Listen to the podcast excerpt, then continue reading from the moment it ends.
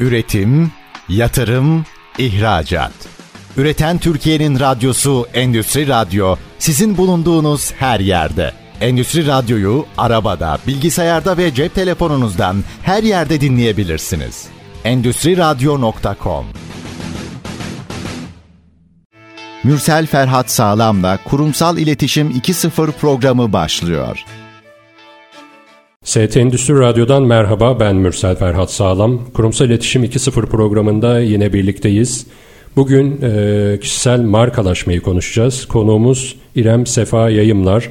Brandemi Kişisel Marka e, Ajansı'nın kurucusu, aynı zamanda Kişisel Marka Akademisi'nin kurucusu İrem hoş geldin. Hoş bulduk. Merhaba Mürsel. Merhaba nasılsın? Çok teşekkür ederim. Sen nasılsın? Ben de iyiyim. Burada olduğun için de mutluyum. Ee, bugün kişisel markalaşmayı konuşacağız ve e, bu anlamda yaptığınız Türkiye'de ilk ve tek olan birçok yenilik var. Bunları konuşacağız. Ama öncelikle bir e, İrem kimdir tanıyalım. İrem Sefa Yayımlar kimdir? Herkes bütün Türkiye, bütün dünya tanısın. Biraz kendini anlat. tamam. Çok teşekkür ederim. Ben aslında kurumsal hayatta başladım. Kişisel markalaşmayla başlamadım iş hayatıma ama markalaşmayla başladım ve pazarlamayla başladım. Kurumsal hayatta önce marka yöneticiliği yaptım. Sonra pazarlama müdürlüğü yaptım. 7 sene kadar orada çalıştım ve markalaşmayı çok sevdim. Marka stratejisi yaratmayı, yani sıfırdan yeni bir marka yaratmayı, insanlarla bağ kurmayı, insanların neden neyi nasıl aldığını, niye satın aldığını, insan davranışını anlamayı gerçekten çok ilgimi çekiyordu. Ve bunun içine yaratıcılık katarak bir işte olmak, bir şeyler yaratmak benim kurumsaldaki en büyük motivasyonum oldu. Sonrasında tabii ki motivasyonumu düşüren bazı şeyler de oluyordu. Yani her ne kadar kurumlar ve çalıştığım insanlar gerçekten çok iyi insanlara denk geldim ama mantık olarak ben bir kurum için değil bir insan için çalışmak istediğime karar verdim. Fakat 7 sene işte kurumda çalışıyorum. Orada belli bir zaman yatırımı yapmışım. Bunu nasıl ben insanlar için çalışabilir hale getiririm? Aslında pazarlamayı, markayı seviyorum ama nasıl insanlar için çalışabilirim derken dünyada aslında 90'lardan beri yükselen bir trend kişisel markalaşmayı keşfettim. Sonra kurumsal hayatı tamamen bırakıp üzerine işte insanlarla çalışmak için de tabii ki biraz performans koçluğu kasımın da gelişmiş olması gerekiyordu. Çünkü kurumdan marka yaratmak için o markayı kendi potansiyeli için ikna etmenize gerek yok ama bir insanı ikna etmenize gerek var. Çünkü biz kendimiz sınırlarımızı olduğundan daha küçük, daha gerçekten dar zannediyoruz. Yapabileceğimiz şeylerden daha azını yapabileceğimize iknayız. Önce bunları bir aşmamız gerekiyor. Bir 2-3 sene kadar Landmark Worldwide diye bir şirket var. Performans koçluğu şirketi. Orada çok ciddi koçlukla ilgili hem eğitim aldım hem de sonra Londra'ya gidip burada Türkiye operasyonlarını kurmak için Avrupa'da da yüzlerce insana koçluk verdim. Daha sonra hani bu konuda da gerçekten kendimi iyi hissettikten sonra artık tamam dedim. Bir de annelik arası verdim tabii o da var. Sonra dedim ki evet artık ben insanlarla çalışmak için kendimi hem iyi hissediyorum hem yeterli hissediyorum hem de kişisel markalaşma konusunda yeni bir şey yaratabilirim Türkiye'de. Ve tabii ki hani benim tutkum kadınlarla çalışmak sen de çok iyi biliyorsun. Evet. Kadınların daha fazla görünür olması, bilinir olması bana göre dünyada dünyadaki şu an iyiliği yaratacak en önemli anahtar diye düşünüyorum.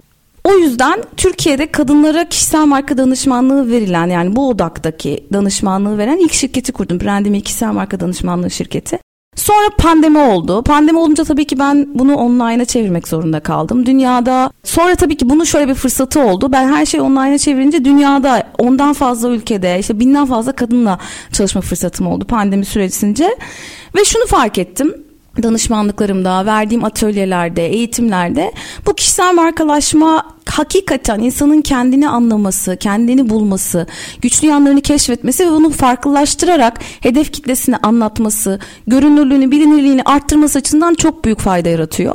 Ve aslında kişisel markalaşma benim bakış açıma göre bu dünyada yarattığımız faydayı, bu dünyaya getirdiğimiz o benzersiz hediyeyi daha fazla insana nasıl yayarızın stratejik yol haritası gibi düşünebiliriz. Ve dedim ki aslında bu kadınlar için işe yarıyorsa herkes için işe yarayabilir. O yüzden kişisel marka akademisini kuralım ve benimle birlikte senin de dahil olduğun çok mutluyum bununla ilgili. Toplam 7 markalaşma, pazarlama alanında uzman 7 arkadaşımla birlikte Kişisel Marka Akademisi'ni kurduk. Ve Kişisel Marka Akademisi'nde herkese hitap ediyoruz. Orada pandemi döneminde de online eğitimler verdik, atölyeler yaptık. Herkes 360 derece kişisel markalaşma ile ilgili kendi uzmanlığına göre kendi bu dünyaya getirdiğimiz o farkı, o benzersizliği nasıl yayabiliriz? Nasıl daha görünür hale gelebiliriz? Nasıl diğerlerinden farklılaşabiliriz ve aslında farklılığımızı nasıl ortaya koyarız? gibi konularda aslında kişisel markanın 360 derece bakış açısına göre bu dünyada nasıl iz bırakırız üzerine çalışmaya başladık. Kişisel Marka Akademisi'nde. Sonra kişisel marka zirveleri yapmaya başladık. Ee, Türkiye'de ilk kez. Burada hem iş hayatından hem sanat dünyasından, spor dünyasından, akademisyenler, sivil toplum liderlerin hakikaten gelip kendi kişisel marka hikayelerini anlattığı iki senedir yapıyoruz. Bu sene de inşallah yapacağız Mayıs ayında. Ve son olarak şu anda aslında kişisel marka konusu herkesin daha fazla ilgisini çekmeye başladı pandemi döneminde. Daha böyle anlamlı işi nasıl yaparım, ben bu dünyaya getirdiğim katkıyı insanlara nasıl sunarımla ilgili. O zaman dedik ki yine kişisel marka akademisindeki arkadaşlarımla o zaman biz bunu hakikaten daha böyle kapsamlı 40 saatin üzerinde yüz yüze vereceğimiz bir eğitim programı haline getirelim. Aydın Üniversitesi ile işbirliği yaptık ve kişisel marka rönesansı programını ortaya çıkardık. 11 Şubat'ta başlayacak yüz yüze. Ee, ben şimdi bu kadar anlatayım. Sen bana bir sordun ben bayağı anlattım. Her şeyi anlattım. Aynen şimdi burada program bitirebiliriz.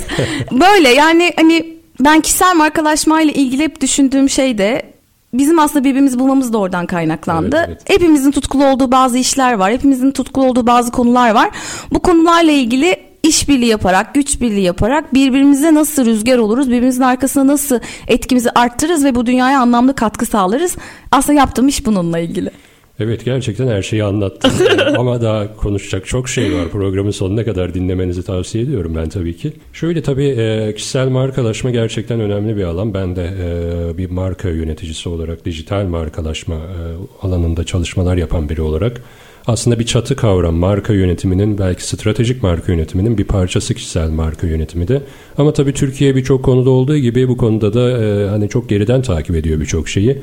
E, özellikle Batı'da, Amerika'da, Avrupa'da e, veya işte gelişmiş ülkelerde diyelim e, teknoloji ülkelerinde kişisel marka konusu e, çoktan aşılmış, konuşulmuş, birçok kavram üretilmiş bununla ilgili, e, modeller üretilmiş, stratejik modeller e, üretilmiş. E, akademinin bir parçası olmuş, iş hayatının bir parçası olmuş ve e, artık bir standart haline almış, gelenekselleşmiş. Ama Türkiye'de daha başlangıç bile yapılmamış bu konuyla ilgili.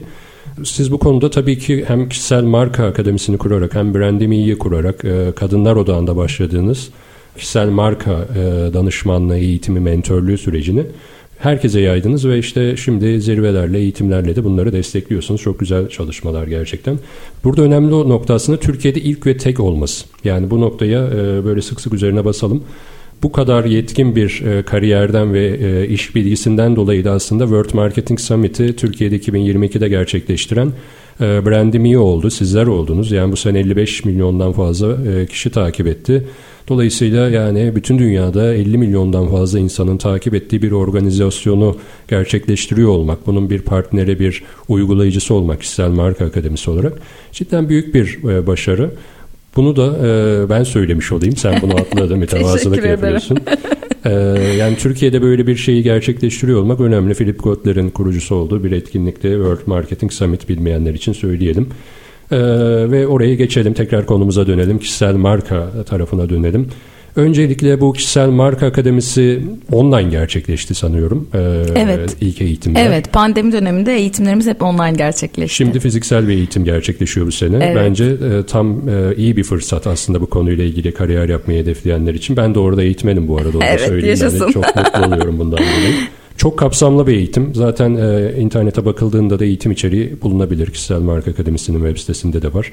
E, biraz bunun e, öncesini, bunun sürecini ve belki de sonraki aşamasını yani ben bu eğitimi alan bir öğrenci olsam, bir profesyonel, bir akademisyen olsam sonrasındaki süreçte kariyerime ne gibi? Yani sadece kendi kişisel markamla ilgili bir aksiyon almak mı?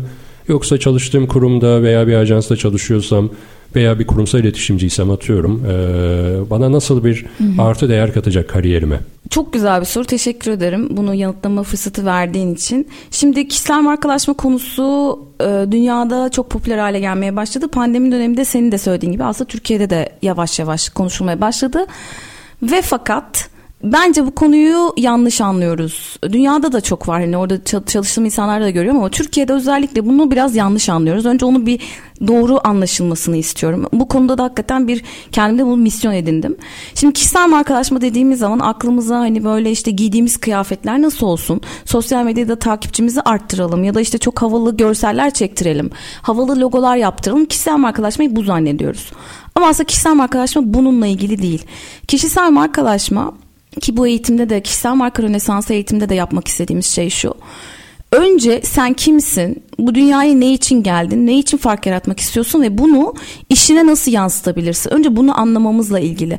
Yani biz hani üniversitede bile arkadaşlarımızdan internetten bulduğumuz CV taslaklarıyla o taslakların içine kendimizi konumlandırıp kendimizi oralarda anlatmaya çalışıyorduk. Ama işte hiçbir zaman hani kendini tanı, senin güçlü yanların neler, nasıl farklısın? Bu dünyadaki ayak izin, bu dünyadaki parmak izin farklı. Bu farkın farkında mısınla ilgili bir eğitim almadık. Yani bizim hani geleneksel eğitim hayatımızda bunlar üzerine çalışmıyorduk.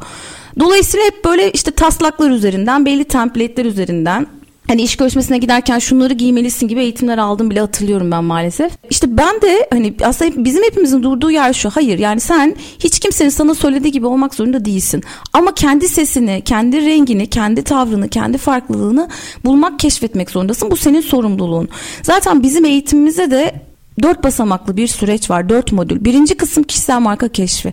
Tamamen güçlü yanların, e, motivasyonel özelliklerin, liderlik özelliklerin, yeteneğini nasıl markalaştırabilirsin? Nasıl öne çıkartabilirsin bunu? Nasıl anlatabilirsin? Seninle ilgili önce senin kendini bilmen lazım. Bu markanın nasıl farklı olduğunu önce senin bilmen. Buna ikna olman lazım. Ondan sonraki kısımda bazı şeyler var onu da anlatacağım ama hani bu kısım kişisel markalaşmada ilk kısım çok önemli bir kısım. Buraya bakmıyoruz. İşte hani sadece işte havalı görseller, havalı logolar, havalı konuşmalar yaptığımızda zannediyoruz ki marka olduk ya da işte yüz binlerce takipçimiz. Hayır bununla ilgisi yok. Takipçi sayısıyla ilgisi yok. Evet önemli ama ilgisi yok. Bu tamamen bununla ilgisi yok.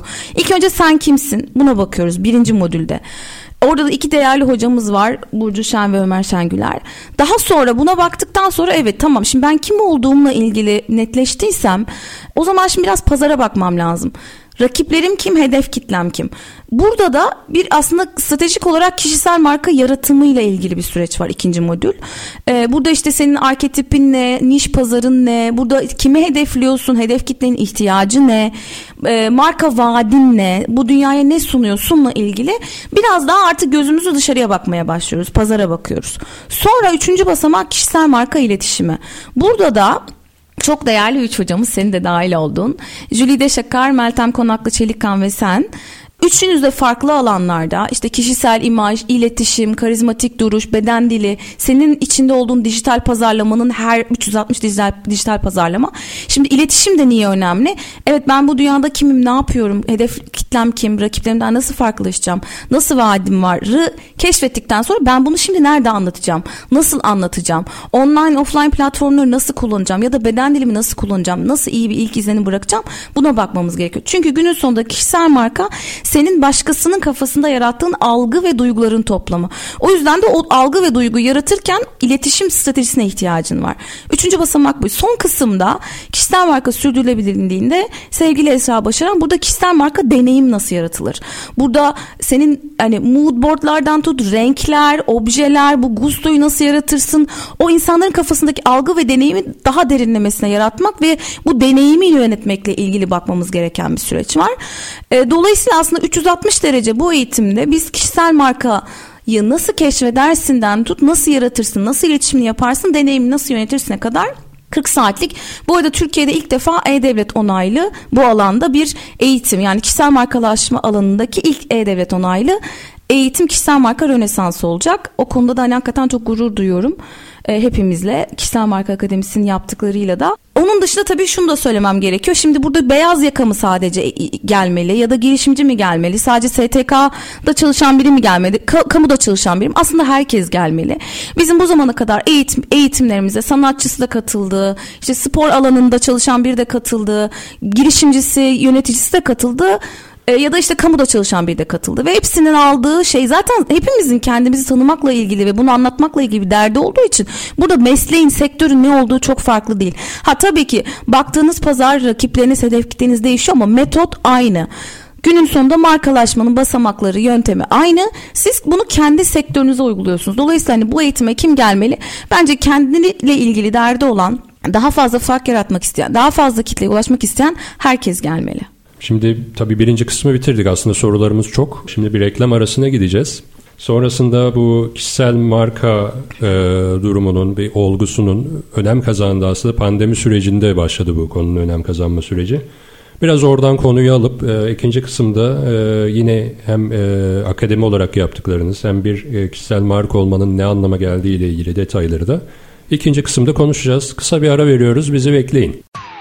Üretim, yatırım, ihracat. Üreten Türkiye'nin radyosu Endüstri Radyo sizin bulunduğunuz her yerde. Endüstri Radyo'yu arabada, bilgisayarda ve cep telefonunuzdan her yerde dinleyebilirsiniz. Endüstri Radyo.com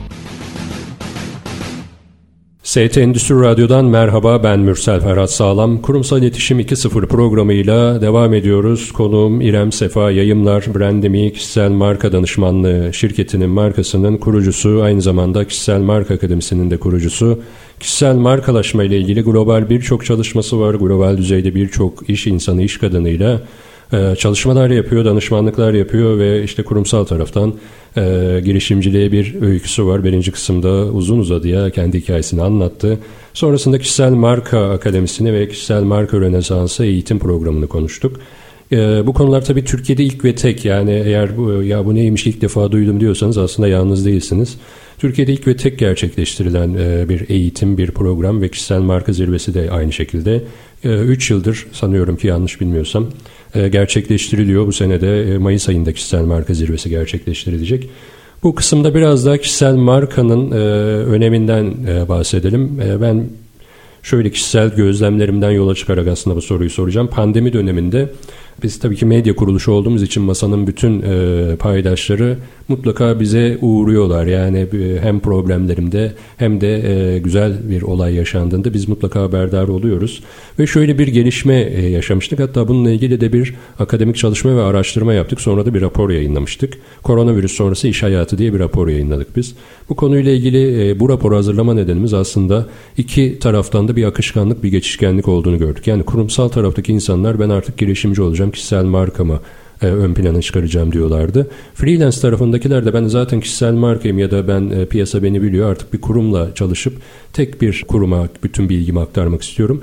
Bu çok dikkatimizi çekmişti. Yani e, tek taraflı olsaydı anlayabilirdik. Yani freelancer hani kuruma geçip belki kendini garantiye almak istiyorlar diye düşünürdük. Pandemi dönemiydi çünkü. Öyle bir durum söz konusu olmadı. İki taraftan da insanlar bir, bir yandan da tabii eğitim de verdiğimiz için yani ben bir eğitim almak istiyorum çünkü artık kişisel markamı inşa etmek istiyorum diyenler vardı. Veya işte freelance çalışıyorum artık kişisel markamı biraz daha işleyip kurumsal tarafa geçmek istiyorum diyenler e, oldu veya işte bu algıyla gelenler oldu. E, dolayısıyla biz bununla ilgili rapor hazırladık ve bu e, gözlemlerimizin kağıt üstünde de aslında akademik düzeyde de ne kadar doğru olduğunu gördük. Çünkü bu raporda da tam gözlemlediğimiz konu ortaya çıktı. Şuraya geleceğim. Ee, bu herkeste olabiliyor. Yani mesleğinde mutlu olanlar da, mutsuz olanlar da, başarılı olanlar da, başarısız olanlar da. Bazen bir manevi doymuşluk oluyor. Ben de yaşadım belli bir dönem. Çünkü en iyi firmalarla çalışıyorsunuz, global düzeyde işler yapıyorsunuz. Maddi olarak bir şeylere doyuyorsunuz belki ama manevi olarak da doygunluğa ulaştığınızda e, bir şeyler standart haline geliyor, sıradan hale geliyor. Bu da keyif vermiyor. Bir insan e, gününün bütün kısmını aslında büyük bir kısmını iş yerinde geçiriyor veya yaptığı işle ilgili geçiriyor. Dolayısıyla 10 saat veya belki daha fazla bir işle ilgileniyorsanız, haftada 40 saatinizi ayırıyorsanız, belki daha fazla ayırıyorsanız, dolayısıyla o işte mutlu olmak istiyorsunuz. Orada bir mutsuzluk başladığında da ben ne yapmalıyım düşüncesi geliyor. İşte orada aslında kişisel marka akademisi biraz devreye giriyor. Hemen bir e, ya danışmanlık düzeyinde ya mentörlük düzeyinde ya da eğitim düzeyinde insanlar orada bir kendine farkındalık ediniyorlar ve farklı bir yola giriyorlar. Şimdi buradan yola çıkarak aslında kurumsal taraf da kişisel marka akademisinin hedef kitlesinde, girişimcilerde veya üniversite öğrencileri de aslında çok bize de e, bu noktada başvuru geliyor. Üniversite öğrencileri ve yeni mezunlar. Asıl bence e, üniversitelerin ve yeni mezunların mutlaka katılması gereken bir e, mentörlük programı veya işte bir eğitim programı bu.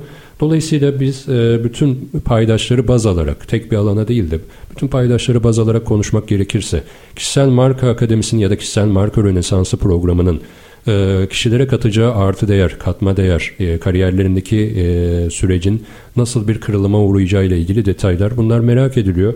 Ben de bu merak edilen konuları sana sormuş olayım. İnsanlar ne yapmalı ya da ne yapacaklar ki buraya gel- gelsinler? Hı hı, süper. Şimdi sen de anlatırken ben de kurumsaldaki aslında o davranış biçimimi ve o kurumsaldan dünyaya bakışımı bir tekrar hatırladım. Öncelikle bir kurumsaldan başladığın için ben de oradan cevap vereyim.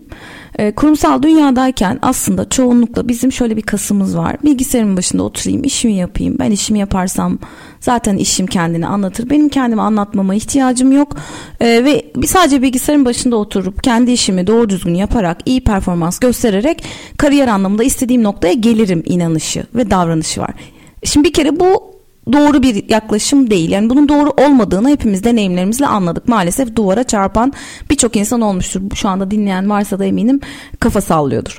İstisnalar olmakla birlikte iş dünyasında bile artık yani kurumsal dünyada bile artık kişisel markalaşmanın önemi çok yüksek. Çünkü sen kendini anlatmıyorsan, sen yaptığın işlerin kıymetini anlatmıyorsan, sen nasıl fark yarattığını, ne konuda tutkulu olduğunu anlatmıyorsan Hepimizin ajandaları kendimizle meşgul. Kimse kalkıp da bugün Mürsel bilgisayarın başında ne iş yaptı acaba o nasıl dünyaya fark yarattı diye gelip merak edip sormayacak.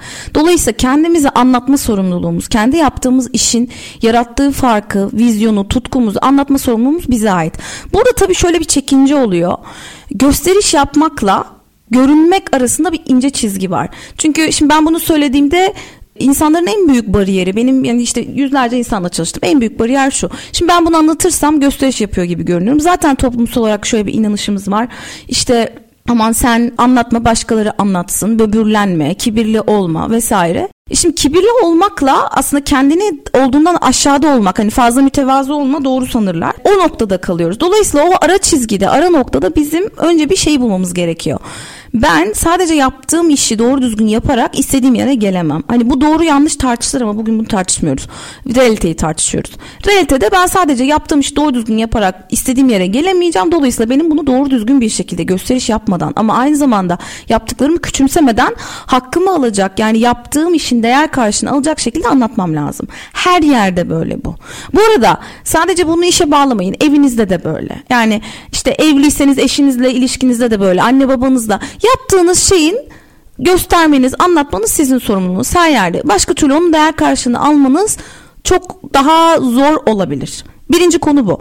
Şimdi kurumsalda dünya böyle. İkinci konu pandemide artık şunu anladık. Eskiden kurumsalda çalışanların birçoğu işte hafta içi bir şeye katlanıp hafta sonu hayatını yaşamak üzerine endeksi bir dünya kurmuştu kendine. Pazartesi sendromu diye bir şey vardı yüzlerce insanın girdiği. Niye? Çünkü iş sendromlu olarak gitmek istemediğimiz bir yer olarak algıladığımız bir yerde. Şimdi aslında bunu farklı bir noktaya getirebiliriz. Aslında işte de yani şunu anladık çünkü pandemide artık iş, ev, aile, sosyal hayat diye bir ayrım yok. Pandemide her şey birbirinin içine girdi ve hayatımızı birçok insan o işte sessiz istifalar, o işte büyük istifa hareketi artık şunu anladık. Yani biz katlanmak zorunda olduğumuz bir iş hayatını istemiyoruz. Biz severek tutkuyla çalıştığımız bize anlamlı gelen bir iş dünyası istiyoruz ki zaten yeni nesil bu alttan hareketi çok daha güzel bize hatırlattı. Onlar bizim gibi değiller. Ee, yeni jenerasyon sağ olsun onlar bizim gibi tahammül etmiyorlar. Onlar hani benim anlamlı işim nerede ben dünyaya katkı sağlayacağım iş nerede ben idare etmek istemiyorum noktasındalar. Hani bu da doğru yanlış kişiye göre değişir değerlendirme olarak ama realite bu. Şimdi o zaman ne yapacağız biz? İş hayatını bizim için anlamlı, değerimizi ortaya koyduğumuz, kendimizi değerli hissettiğimiz anlamlı bir fark yarattığımız dünya haline getirmek bizim sorumluluğumuz ve bunu aslında kişisel markalaşma araçlarını kullanarak yapabiliriz. Kurumsal dünyada böyle. Freelance çalışan ya da işte girişimci olan kişiler için de ne? Ee, sen zaten tek başına hayatta kalmaya çalışıyorsun. Zaten bir sürü pazarda rakibin insan var. Ner neyle farklılaşacaksın? Yaptığın işin çok benzerini yapan yüzlerce insan var. Yaptığın işte kurduğun işin e, benzeri belki yüzlerce şirket var. O zaman ne yapacaksın? Olduğun kişiyle farklılaşacaksın. Çünkü kopyalanamayacak tek şey sensin. Sen dün hani bunu çok klişe ama benzersizsin bu kadar nokta. Yüzlerce insanla yine yani söylüyorum bir sürü insanın kişisel marka vaadini yarattım. Bununla ilgili çalıştım. Hiçbiri birbirinin aynısı değil. Hepimiz birbirimizden farklıyız. Yaptığımız işe de bu farkı getirip bunu anlattığımız zaman ancak fark yaratıyoruz. Ve şunu da biliyoruz ki insanlar insanlarla iş yapıyorlar. İnsanlar insanlarla bağ kuruyorlar. Tercihlerimiz bizim karşımızdaki insanın bize yarattığı algıya göre oluyor. Gideceğimiz doktoru, gideceğimiz marketi bile buna ya da restoranı bile buna göre seçiyoruz. Dolayısıyla tercih edilebilir olmak için iş dünyasının her alanında kişisel markalaşma, markalaşma araçlarını kullanmamız gerekiyor. Aslında bütün eğitimin kurgulanma şekli de bununla ilgili. Evet e, aslında ben şunu da söylüyorum her zaman Türkiye lider odaklı bir toplum. Evet. yani bu siyasette de öyle, sporda evet. da, sanatta da, iş hayatında da, ofis ortamında da mutlaka bir lider arıyoruz. Ve e, o lider olmak da istemiyoruz bir yandan da. Evet. E, aslında kişisel marka konusu veya olgusu bizi o lider olmaya götürüyor aslında bir Aynen. anlamda. Yani veya işte buradaki liderlik sadece işte çok politik algılanmaması lazım kavramsal olarak bir öncülük diyelim. Evet. Bir öncü e, ve bir farklılık, farkındalıkları evet. oluşturan bir kişi olarak bu konuyla ilgili e, herkes bir lider arıyor. Ofis ortamında da olabilir, iş hayatında da olabilir veya bir girişimin içerisinde. Ben mesela girişim mentörlüğü yaparken yatırım alan girişimlerin büyük bir bölümünün aslında o lideri bulabilen girişimler olduğunu hmm. gördüm. Ve bazı girişimlerde de e, bu eğer yoksa olmak zorunda değil. E, herkes e, bu kadar e, sadece girişimiyle, teknik kısımla ilgilenmek isteyen girişimciler de var. Ee, şöyle bir farkındalık olduğunu gördüm son yıllarda. Biz bu liderliği üstlenemeyiz kurucular olarak veya işte bu e, yöneticiler olarak. O zaman bizim bir e, marka yüzüne ihtiyacımız hmm. var diyen e, girişimler de gördüm. Yani bunun farkındalığı da olmaya başladı girişimciler açısından.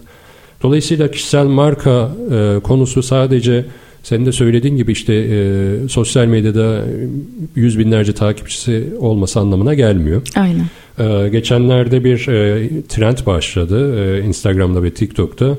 Bir tarlada çalışan bir genç, bir Türk e, genç bir video çekmiş göbek atıyor yani böyle biraz da kilosu var göbeğiyle oynatıyor falan. Ve bu e, fenomen olmuş şu an 5 milyon takipçisi var.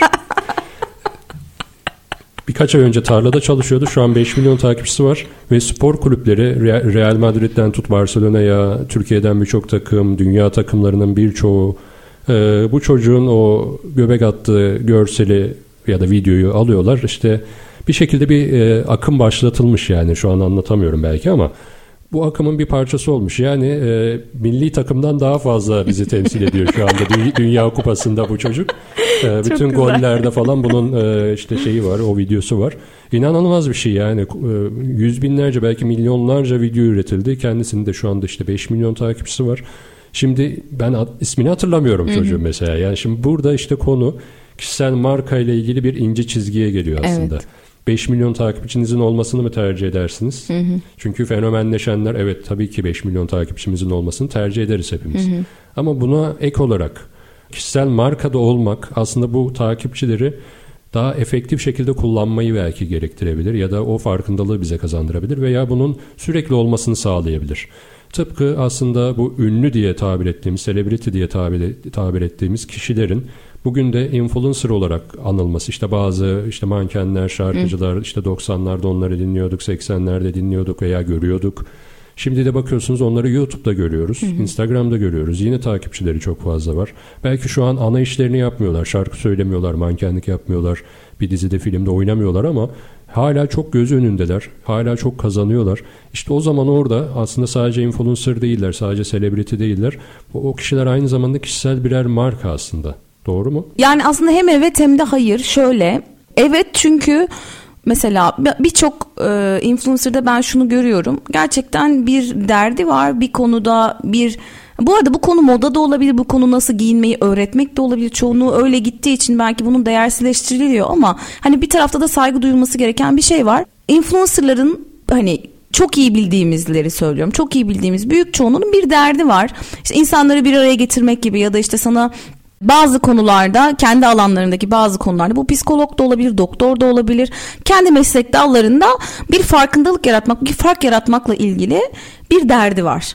İstisnaları biliyoruz zaten bunları konuşmama gerek yok. Ama bir de şöyle bir şey var. Influencerlık e, sadece hani böyle işte meşhur olmak ya da kişisel marka sadece meşhur olmak ya da tanınır olmakla ilgili değil. O yüzden zaten takipçi sayısıyla ilgisi yok. Yani sizin 5 milyon takipçiniz olabilir ama alanınızda marka olduğunuz anlamına gelmez bu.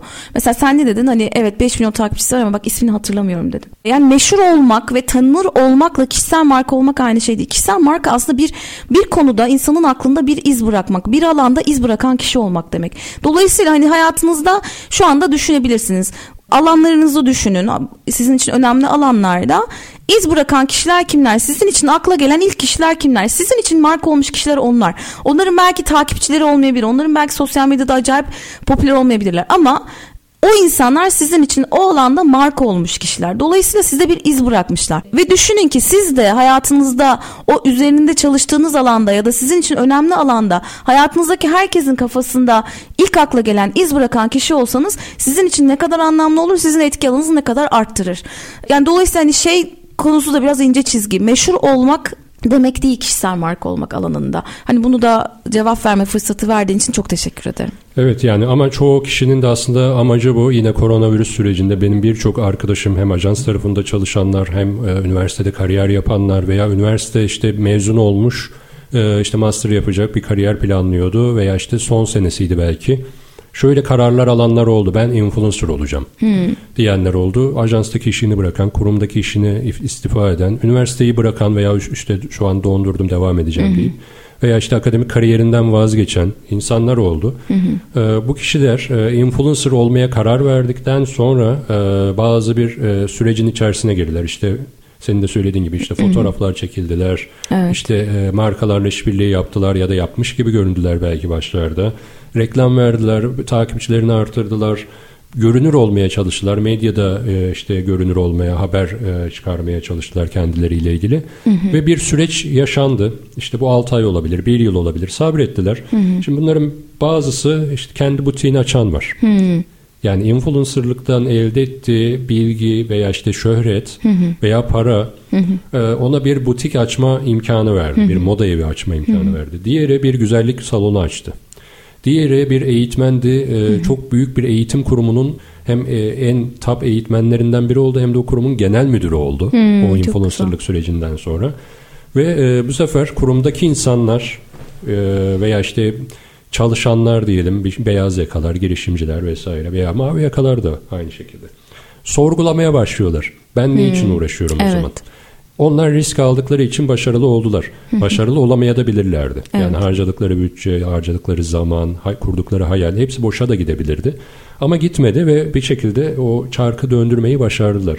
Yani influencerlık süreci de aslında e, risk alınması gereken süreç. Ben kendi işimle ilgili konferanslarda vesaire şunu söylüyorum. Eğer bu iş bana danışmanlığını yapmam için gelseydi ikinci ayda bu işin sözleşmesini firma feshedebilirdi diyorum. Hı hı. Sabır gerekir. Strateji uzun vadeli bir iştir. Hı hı. Dolayısıyla eğer sabrederseniz bugün artık kurduğunuz iş işte milyonlara ulaşıyor. On milyonlarca insana ulaşıyor.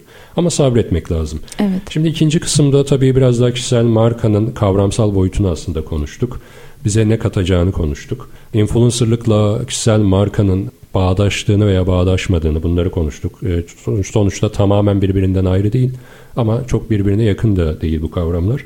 Üçüncü kısımda devam edeceğiz bu konuları konuşmaya. Yine kısa bir ara veriyoruz. E, üçüncü kısımda görüşmek üzere. Üretim, yatırım, ihracat. Üreten Türkiye'nin radyosu Endüstri Radyo sizin bulunduğunuz her yerde. Endüstri Radyo'yu arabada, bilgisayarda ve cep telefonunuzdan her yerde dinleyebilirsiniz endüstriradyo.com Üretim, yatırım, ihracat. Üreten Türkiye'nin radyosu Endüstri Radyo sizin bulunduğunuz her yerde. Endüstri Radyo'yu arabada, bilgisayarda ve cep telefonunuzdan her yerde dinleyebilirsiniz. endüstriradyo.com ST Endüstri Radyo'dan merhaba ben Mürsel Ferhat Sağlam. Kurumsal İletişim 2.0 programının 3. kısmındayız bugün. E, Brandemi kurucusu İrem Sefa Yayımlar konuğumuz. Kişisel marka üzerine uluslararası çalışmalar yapan, Türkiye'de de ilk ve tek birçok aksiyonu olan, birçok girişimin ve e, mentörlük programının, eğitim programının kurucusu olan kişi, kişiyle birlikteyiz. Bugün kişisel markalaşmayı konuşuyoruz. Birinci kısımda ve ikinci kısımda kişisel markanın öneminden, kavramsal boyutundan, eğitimlerinden ve e, akademi olarak yaptıkları çalışmalardan bahsettik. Şimdi biraz daha kişisel marka rönesansı programından bahsedeceğiz. Rönesans denilince tabii bir sihirli bir anlamı var bu kelimenin de. Severim e, bu kelimeyi. Bir aydınlanmayı ifade ediyor. E, dolayısıyla kişisel marka eğitimindeki e, aydınlanma aslında kişisel aydınlanmayı bence ifade ediyor bu eğitim programı. Biraz eğitimin teknik kısımlarından bahsedelim. Yani kaç saat sertifika var mı? Uluslararası geçerliliği var mı? Ben bu sertifikayı aldım ama global düzeyde çalışabilir miyim artık biliyorsunuz. Çünkü pandemi dönemiyle birlikte hibrit çalışmalar e, meşhur oldu. Hatta online çalışmalar çok meşhur oldu ve insanlar buna adapte de oldular. Ben de globalde birçok ajansla çalışıyorum. Dolayısıyla insanlar hani ben Türkiye'de oturayım, işte İstanbul'daki evimde oturayım ya da Ankara'da başka bir yerde ama işte Amerika'da bir firmayla çalışayım veya bir uzmanla işte çalışayım derdindeler. Hı hı. E, bu eğitim sonunda e, insanlar ne kazanacak? Bunun biraz teknik kısımlarından işte kaç saat sürüyor, ne zaman başlıyor? Bunları hı hı. bence biraz konuşalım. Çünkü merak ediliyor, soruluyor. Biz de bu soruların cevaplarını vermiş olalım. E, kişisel marka rönesansı şöyle nedir diyerek bir başlayalım bence. Süper. Aslında çok güzel bir yerden girdin. Rönesans kelimesi. Hani biz bu eğitime neden kişisel marka rönesans dedik? Çünkü aslında rönesans kendine gelme, eski canlılığını, biçimini yeniden kazanma ve daha iyi bir duruma gelme anlamında kelime anlamı olarak. Biz de neden kişisel marka rönesansı dedik? Çünkü aslında biz kişisel markalaşma araçlarını kullanarak kendimizi güncelleyebiliriz. Canlılığımızı gelişimimizi daha iyi bir versiyona çıkartabiliriz. Biz aslında kendimizin daha iyi bir versiyonuna kendimizi yükseltebiliriz bu araçlarla. Ve tabii ki bunu iş hayatımızda bize geri dönecek şekilde değer karşılığı olarak, saygınlık olarak, e, bilinirlik olarak, gönüllülük olarak geri dönecek şekilde aslında bu şekilde kurguladık. Şimdi önce ben şeyden bahsedeyim. Eğitimin tarihleri 11, 12, 18, 19 ve 25 Şubat. Yani iki hafta sonu cumartesi pazar ve bir cumartesi günü olacak. Sabah ondan 17.30'a kadar.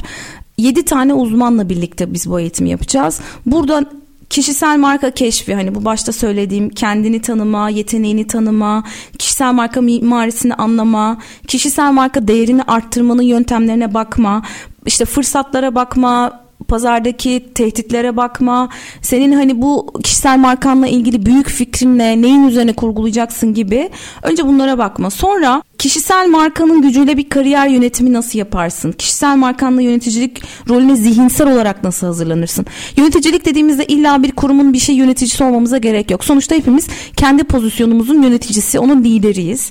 Dolayısıyla orada kendimizde sahip olduğumuz o inanışlarımız, bizim engellerimiz neler? Onların ötesine nasıl geçeriz? Güçlü yanlarımızı nasıl öne çıkartırızla ilgili çalışacağız.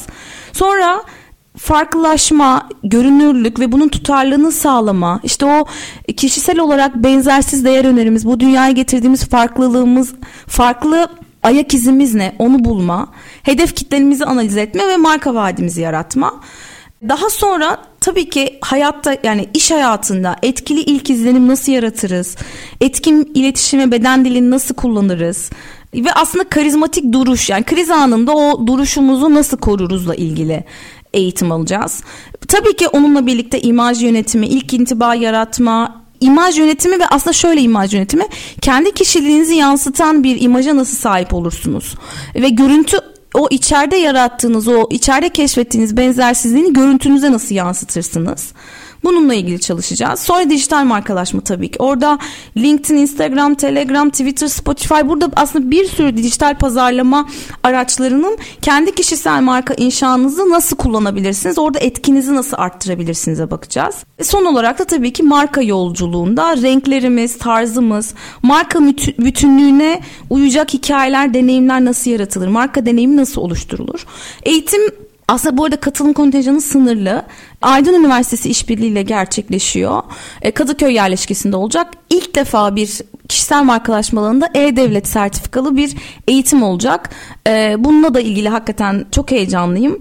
Bunun dışında tabii şu da var. Bizim hep beraber bakmamız gereken şey de şu hepimizin bu eğitimi almak için farklı motivasyonu olabilir. Yani biriniz işte kariyerimde artık başka bir yola girmek istiyorum. Yeni bir kariyer yaratmak istiyorum. Ama işte çok geç kaldım gibi düşünceye sahipseniz kesinlikle geç kalmadınız. Bu eğitim sizin için olabilir.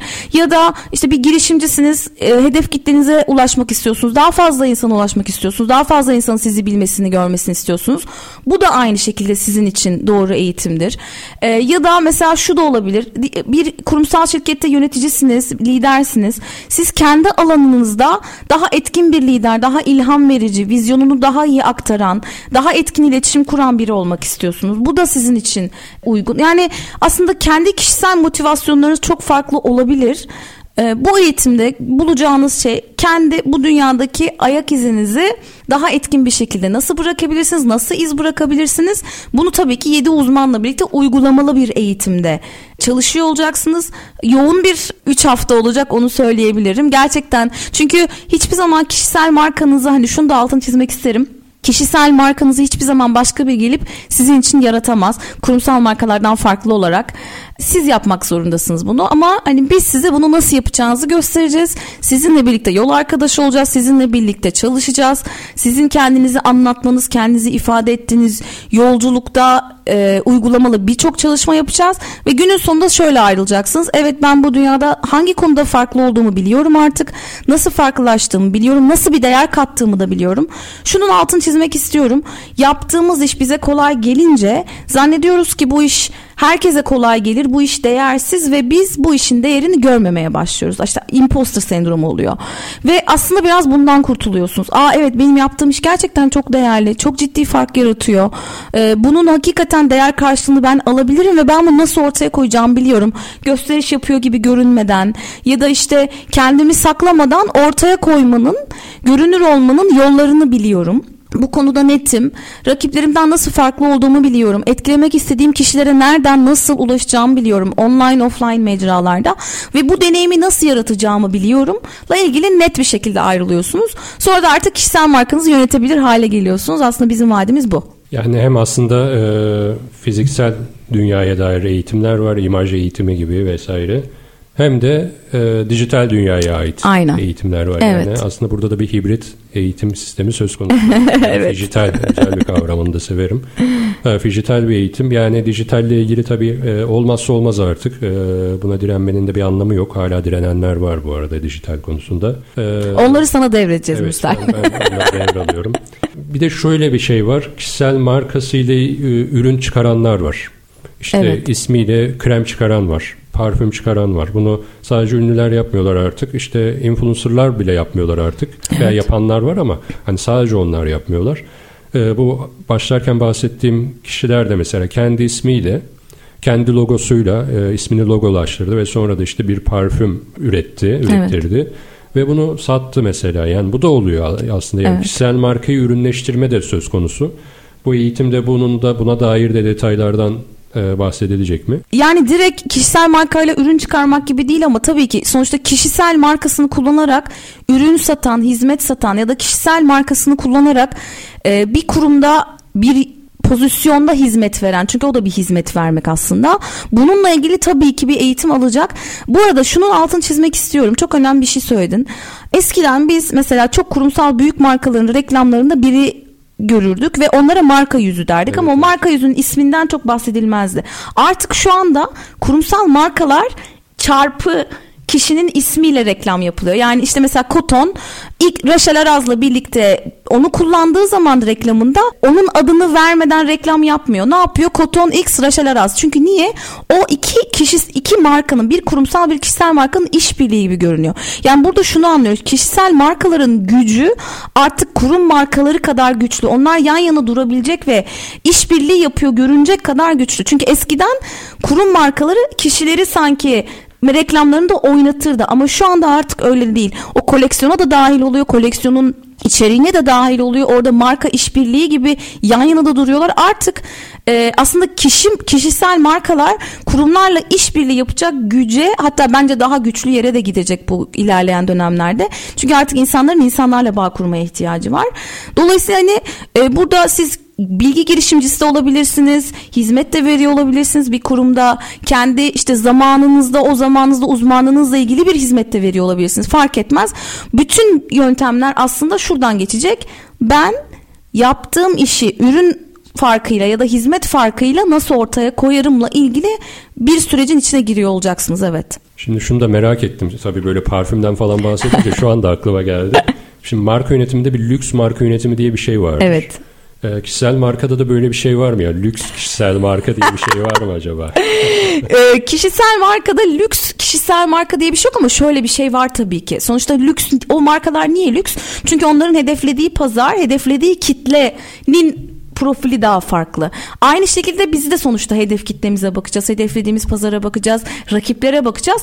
Konumladığımız pazar markanın lüks mü, orta segment mi olduğunu belirlediği için hani orada birazcık e, sizin nerede konumlanmak istediğinize bağlı o. Tabii ki kendinizi daha yukarıda, kendi hedef kitlenizin daha farklı olduğu bir yerde konumlanabilirsiniz ve oradaki tabii ki en önemli şey de şu.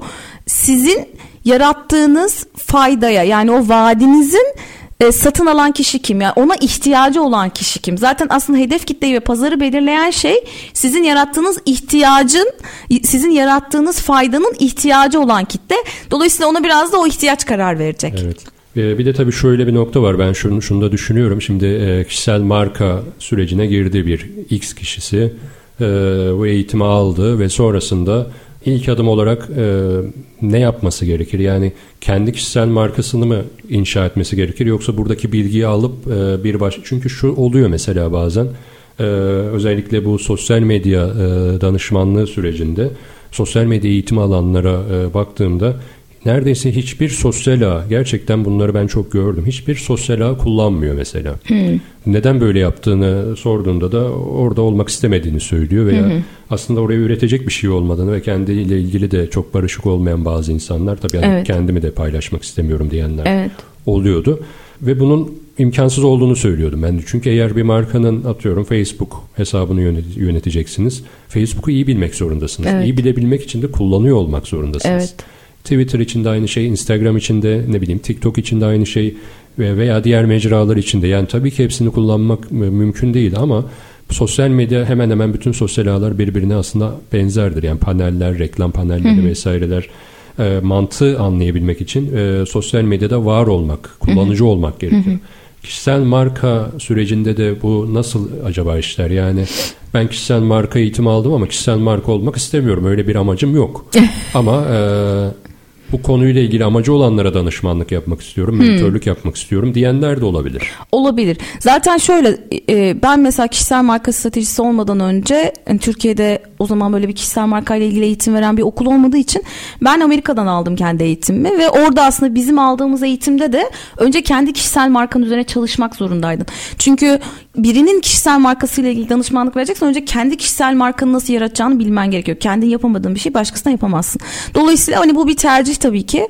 Ama kişisel marka alanında çalışmak isteyen birini kesinlikle bu basamakları kendi üzerine önce uygulaması gerekiyor. Bu birinci nokta. İkinci nokta şu. E, sosyal medyada var olmak istemeyen, burada görünmek istemeyen insanlar e, yani kişisel marka olmak için sosyal medyada var olman zorunlu diye bir şey yok. Ama şimdi buradan şöyle bakarsak eğer hepimizin elinde aslında bu telefonlar bizim medya kanallarımız. Milyonlara ulaşabileceğimiz bir televizyon radyo kanalımız var gibi düşünebiliriz biz bu telefonları. Dolayısıyla e, bir marka ne yapmak ister? Sesini kitleye duyurmak ister. E, sen kitle yani elindeki en güçlü kitle iletişim aracını kullanmıyorsan bu bizim için şu anda sosyal medya. O zaman aslında iletişim araçlarını eksik kullanıyorsun demektir. Kullanmak zorunda mısın? Değilsin ama bence kullanmamak delilik. E, fakat orada bir de söylenmeyen bir şey var. E, insanların bunu söylemeye cesaret etmediği bir şey var. Sosyal medyada görünmek çekinen bir sürü insan var. Ben bunu birlikte çalıştığım insanlarla çok gördüm. Yargılanmaktan korkuyor. Yeteri kadar iyi olmadığını düşünüyor. Mükemmel olana kadar kendimi paylaşamam diyor. Ya da işte şimdi kendim paylaşırsam birileri bana saçma sapan yorum yaparsa ya da işte tanıdığım insanlar beni eleştirirse, yanlışlarsa en büyük korku bu. Görünmekle ilgili bir korku var. Bir kere bunun önce ortadan kaldırılması gerekiyor. Ya da aslında ben daha farklı bir şey öneriyorum. Bu korkuyu ortadan kaldıramıyorsanız adım atacaksınız, aksiyon alacaksınız. Korkuya rağmen hareket edeceksiniz. Yani görünmeye korkuyor olsanız bile bir kere görünmeye başladıktan sonra korka korka da yani bu şey gibi karanlıktan korkarsın ama karanlığa girip ışığı yakana kadar beklemek zorundasın. O karanlığın içine gireceksin. Sosyal medyada da paylaşmayı öyle görebilirsiniz. Yani onun içine girip paylaşmaya cesaret edeceksin ışığı bulana kadar sonra ışığı yaktıktan sonra biraz daha rahat sakin bir şekilde paylaşmaya hani artık o daha kendine güven hali o paylaşırken daha rahat olma hali geliyor ama bir şekilde biraz da hani bu ıı, çok da böyle konfor alanında yaptığım bir şey de değil onu da hani altın çizmek isterim mutlaka. Evet yani birçok aslında dinamiği olan birçok e, metrikten bahsedebiliriz kişisel markalaşma ile ilgili. Bu arada sosyal medya ile ilgili de şöyle insanlar tabii linç edilmekten de korkuyorlar. Evet. Sosyal medya linçlerinde. Kesinlikle. Ama bir kere linç edilince alışıyorsunuz arkadaşlar. Ben bir kere yaşadım onu ve alıştım artık korkmuyorum yani. Ama markalar Twitter'dan gerçekten korkuyor. Ben de Twitter'da e, linç edildim. E, hem de çok komik bir e, sebepten dolayı yani bir e, ekmek fiyatı ile ilgili bir şey yazmıştım. Tamamen kendi fikrimi yazmıştım ve bununla ilgili herkes bir şeyleri her se- segmentten insan üzerine alınmış nedense. E, ve linç edilmişim. Telefonu bir açtım yüzlerce mesaj e, işte like tabi destekleyenler de var ama e, ve ben e, gördüğüm anda kahkaha atmaya başladım. Çok komiğime gitti. E, insanlar neden böyle bir şey dert etmişler diye bayağı bir güldüm. Ama böyle bir durum gerçekten var. Yani e, bunu da göz ardı etmeyelim.